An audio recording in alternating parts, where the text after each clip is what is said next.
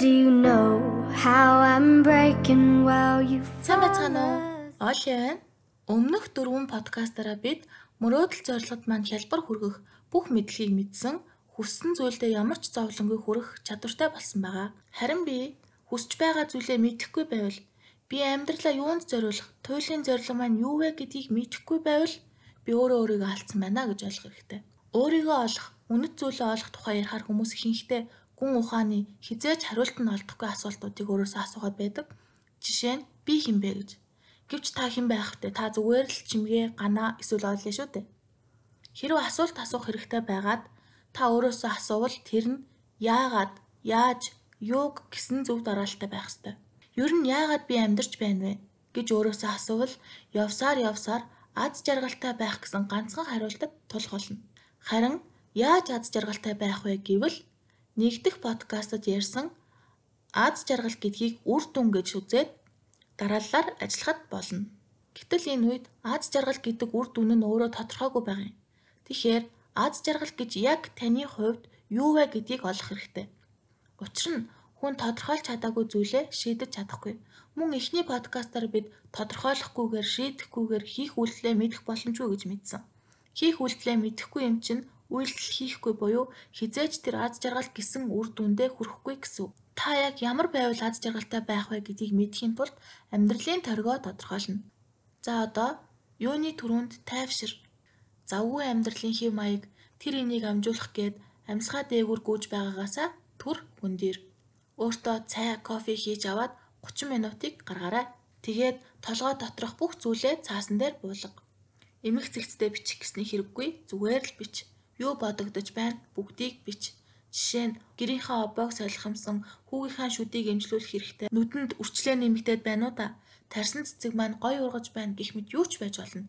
Хамгийн гол нь бүх бодлоо толгооноосоо гаргаад жигсааж бич. Танд компьютер дээр бичих нь амар байдаг бол компьютер дээр, гараар бичих нь амар байдвал гараараа л бич. Гол нь бүх бодлоо бич. Энд бичихгүй. За энэ ч яах вэ гэсэн бодол байх ёсгүй. Бүгдийг бичнэ. Тэгээд цайгаа угаад алсын бараа ширт дахиад бод. Юу ойрд таны толгойд эргэлдээд байна. Хин нэгэнтэй маргалцчаад мартаж чадахгүй байгаа юм шүүц. Бас өөрийнхөө тухай гэр бүлийнхээ гишүүн бүрийнхээ тухай бод. Бодлоо захирах хин нэгнийг сайхан талаас нь эсвэл муу талаас нь харах гэсний хэрэггүй зөвхөн бод тэгээд бич. Бичиж дуусаад дахин бод. Юу бодогдож байна тэрийг л бод. Энэ тухай бодохгүй.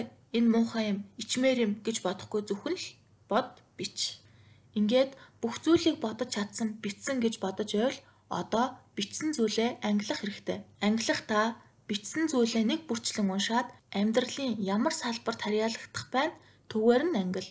Жишээ нь мөнгөтэй холбоотой зүйлсийг санхүү эмнэлэгт үзүүлэх хэрэгтэй эсвэл бөөр өвдөд байх шиг байна гэсэн бичвэрүүд байгаа бол үүнийг эрүүл мэнд харин үсээ гой тайруулъя нүүрний крэм ойрд шингэхгүй байна гэсэн бичвэрүүдийг гоо сайхан гэх мэтээр ангилаарай.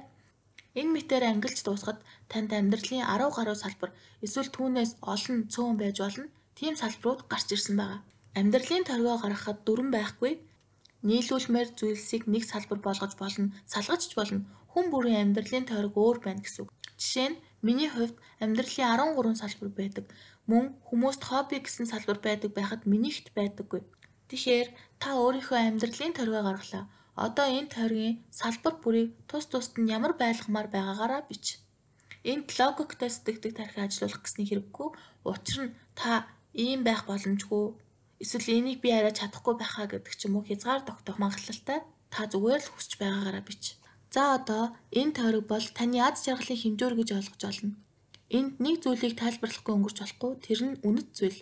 Хэрв танд үнэт зүйлийг заавал олох хэрэгтэй юу гэсэн асуулт байвал би тийм гэж хариулна. Яагаад гэвэл та Паретогийн хууль буюу 80 20 хууль гэж байдгийг сонссон байх. Тэр хууль нь таны нийт хийж байгаа зүйлийг 100% гэж үзвэл зөвхөн 20% нь таны нийт орлогын 80%-ыг олж байдаг гэсэн хууль юм. Мөн баялагын хуваарлалт дээр энэ хууль үйлчилдэг. Нийт баялагын 80%-ыг нийт хүн амын 20% эзэмшдэг. Тэгээд үлдсэн 20% баялаг хүн амын 80% тоногддог. Өөрөөр хэлбэл энэ 20% дээр 80% хүн ам алалцдаг гэсэн. Тэгээд баялагын 80%-ийг эзэмшдэг 20% хүмүүс ямар хүмүүс байдаг вэ гэж судлаад үзвэл энд үнэт зүйлээ ажил болгосон хүмүүс байдгийг та мэдэх болно. Үнэт зүйлээ мэдхгүйгээр өөрийн танил онцгой зүйлээ мэдхгүйгээр та ямар нэгэн зүйлд бүх зүрх сэтгэлээ зориулж ажиллах боломжгүй. Тэгээд та бүх зүрх сэтгэлээ зориулж ажиллаагүй юм чинь та дундаж нэгэн болж үлдэнэ гэсэн үг. Харин үнэт зүйл чинь таны ажил. Та өөрт утга учиртай зүйлээ хийдэг бол та өөрөө үнэт хүн, орлуулашгүй хүн болох болно.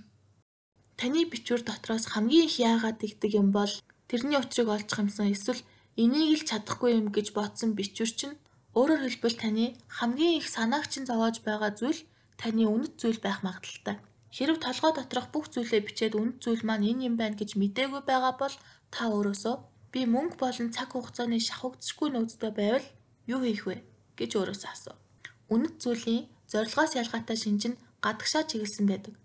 Энэ зүйлийг би хийчихвэл бусад хүмүүстийг нь бусад хүмүүс их оронд маань хэрэгтэй гэж танд бодогдно. Өөрөөр хэлбэл зориг мөрөөдөл бол надад төвтэй. Үнэт зүйл нь бусдад төвтэй байдаг. Та үнэт зүйлээ гаднаас хайх хэрэггүй өөр хүн тийм зүйл хийдэг, тэрийг сэтгэлээсээ хийдэг, тэрнэрхэл болно гэсэн үнэт зүйл танд байж болохгүй. Зөвхөн таны л хүсдэг зүйл таны үнэт зүйл гэсэн. Танд яг юу хамгийн сонир санагддаг вэ? Таны дарах яг юун дээр нэг л тийм сэргэг байна. Тэр нэг зүйл чинь таны үнэт зүйл гэсэн үг. Ингээд үнэт зүйлээ олоод амьдралын салбар бүрийнхээ голд байрлуулад энэ үнэт зүйл утга учир чинь амьдралын салбар бүрт чинь эерэг үр дүн авчрахыг та өөрөө харах болно. Одоо гаргасан энэ бүхэл тойрог бол таны амьдралын тойрог. Энэ тойргийн салбар бүрийг та өөрийнхөө гарын 10 хуруутай адилтгаж салбар бүрээ чухалчилж авч үзээрэй. 10 хуруунытай нэг хурууг алхаар бяцлаа гэж бодъё. Тэр үед та зүгээр дээ надад дахиад 9 хуруу байгаа шүү дээ гэж хэлэхгүй шүү дээ. Та ойрлон хашгична бүр бусад 9 хуруутай гэдгээч бодох сөхөөгүй болно. Яг үүн шиг таны амьдралын аль нэг салбар жишээ нь эрүүл мэндийг тань асуудалтай болох үед та амьдралын бусад салбартаа анхаарал хандуулж чадахгүй тэнцвэрээ алдах болно. Иймээс салбар бүр нь ямар байвал та аз жаргалтай байхаа түрүүн биччихсэн учраас тус бүрийг нь таны хүрхийг хүсэж байгаа үр дүн гэж үзээд эхний подкаст дээр үзсэн дараалалаар ажиллаарай. За одоо та өөрийнхөө үнэт зүйл, утга учир, амьдралын торгоо гаргасан эдгээрт яаж хэлбэрхэн хүрхээж та мэдсэн. Одоо урагшаа. Харин нэг тохиолдолд хүн юу хүсэж байгаагаа мэдэж байлаач байрнаасаа хөдөлж чадахгүй. Энд нөлөөлдөг хүчин зүйл бол депресс, шанал. Хүний амьдралд хүчтэй байж үргэлж урагшилж чадахгүй зүгээр л амьдралд бууж өгөх үе гарна. Амьдралын нухчаанд хин нэгнээ алдах эсвэл бүх ихтгэл маань алга болж юу ч сонирн байхаа болох үед таныг үнэт зүйлээ ол мөрөөдөл зорилго дээр ажил гэж хэлэх нь утга учиргүй.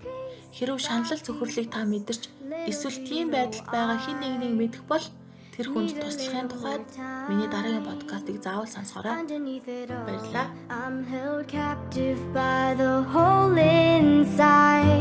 I've been holding back for the fear that you might change your